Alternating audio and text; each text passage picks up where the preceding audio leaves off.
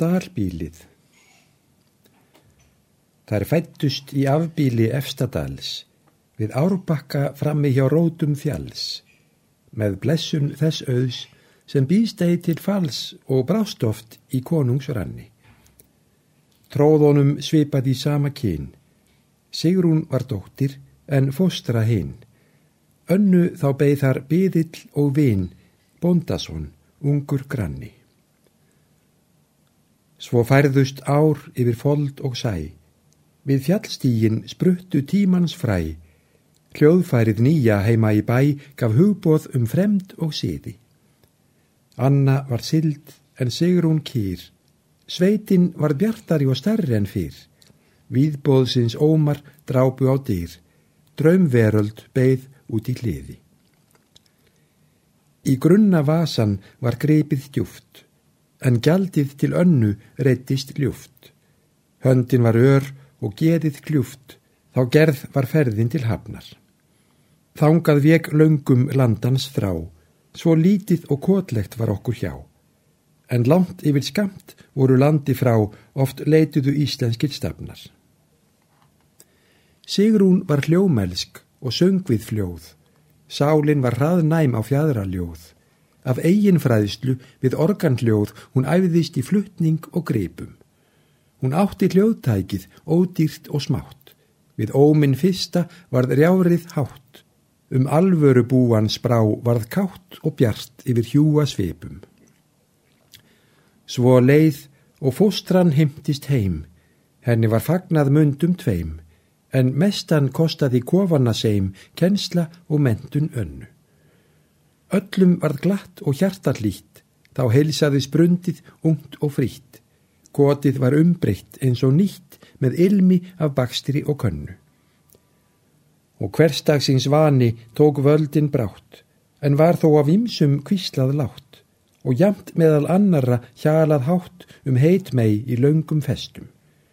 Þó kom svo að lokum að brúðkaup var byrt og byggðar síður og regla virt en síðan var allt með kjörum kýrt og kunnugum fækandi gestum. Þá var það einn anríkan vinnudag að vana leg Anna sitt kærasta lag, en Sigrún baðstundan söng og brag, í sveit er ei starfið leikur. Þar fjallu æð þingri en færri svör. Þá fölnaði Anna og beit á vör. Hún átti ei margra kosta kjör, en kinnin flest hjóm og reikur. Hafnarsvanni og daladrós, dapnandi tendruðu framtíma ljós. Frjófgari sléttan ber fegur í rós með fáun í orði og sniði. En fornkvenna hugi ber Ísland enn, unnur og melkorka hétu menn, og landin á higð og lindi tvenn, en lítur með jafngeði á síði. Til heiðninnar bregður oss öllu menn, um ævirnar, bæði konur og menn. Við námum hið aldna og unga í senn og áttumst á vegamótum. Vísindin kanna mann og mold, en minning vor deyr ei um sagnafold.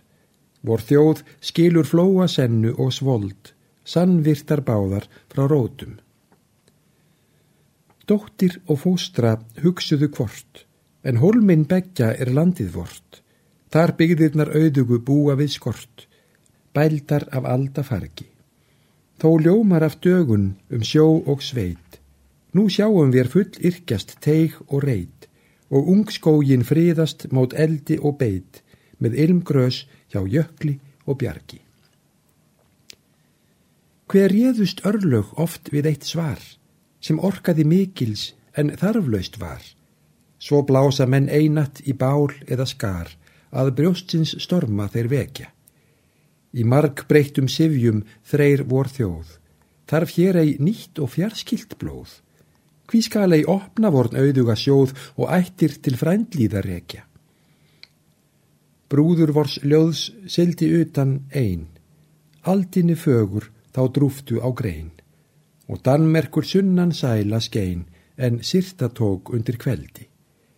Vor heimur svo fagur með frjósöm lönd fyllir skipreikum hverja strönd og enginn má stöðva heljarhönd í reysi nýja konungsins veldi. Svo spurðist óbrotna sagan sein, á sökki fannst Anna við flæðarstein. Þar friðþægðu landar margvís mein, þá mentir við heimtum til dana. Um borgarál kvílir höfug þögn, ég hæðum til dóma skal bera vor gögn, og veröldin kennir þá sönnu sögn, við er sóttum til lífs frá bana. Nú grúfir um dalbílið höfgi og húm, og hljótt yfir nöfnum við óskipuð rúm. Tótt mörgum sé slegið máttugum brúm meðal sæfa og landa. Tíminn er læknir, hann breytir um börl og býður sínsfæris við alda tvöl. Hér duga ei alein skrif og skjöl, við skuldumst um göfgar í anda.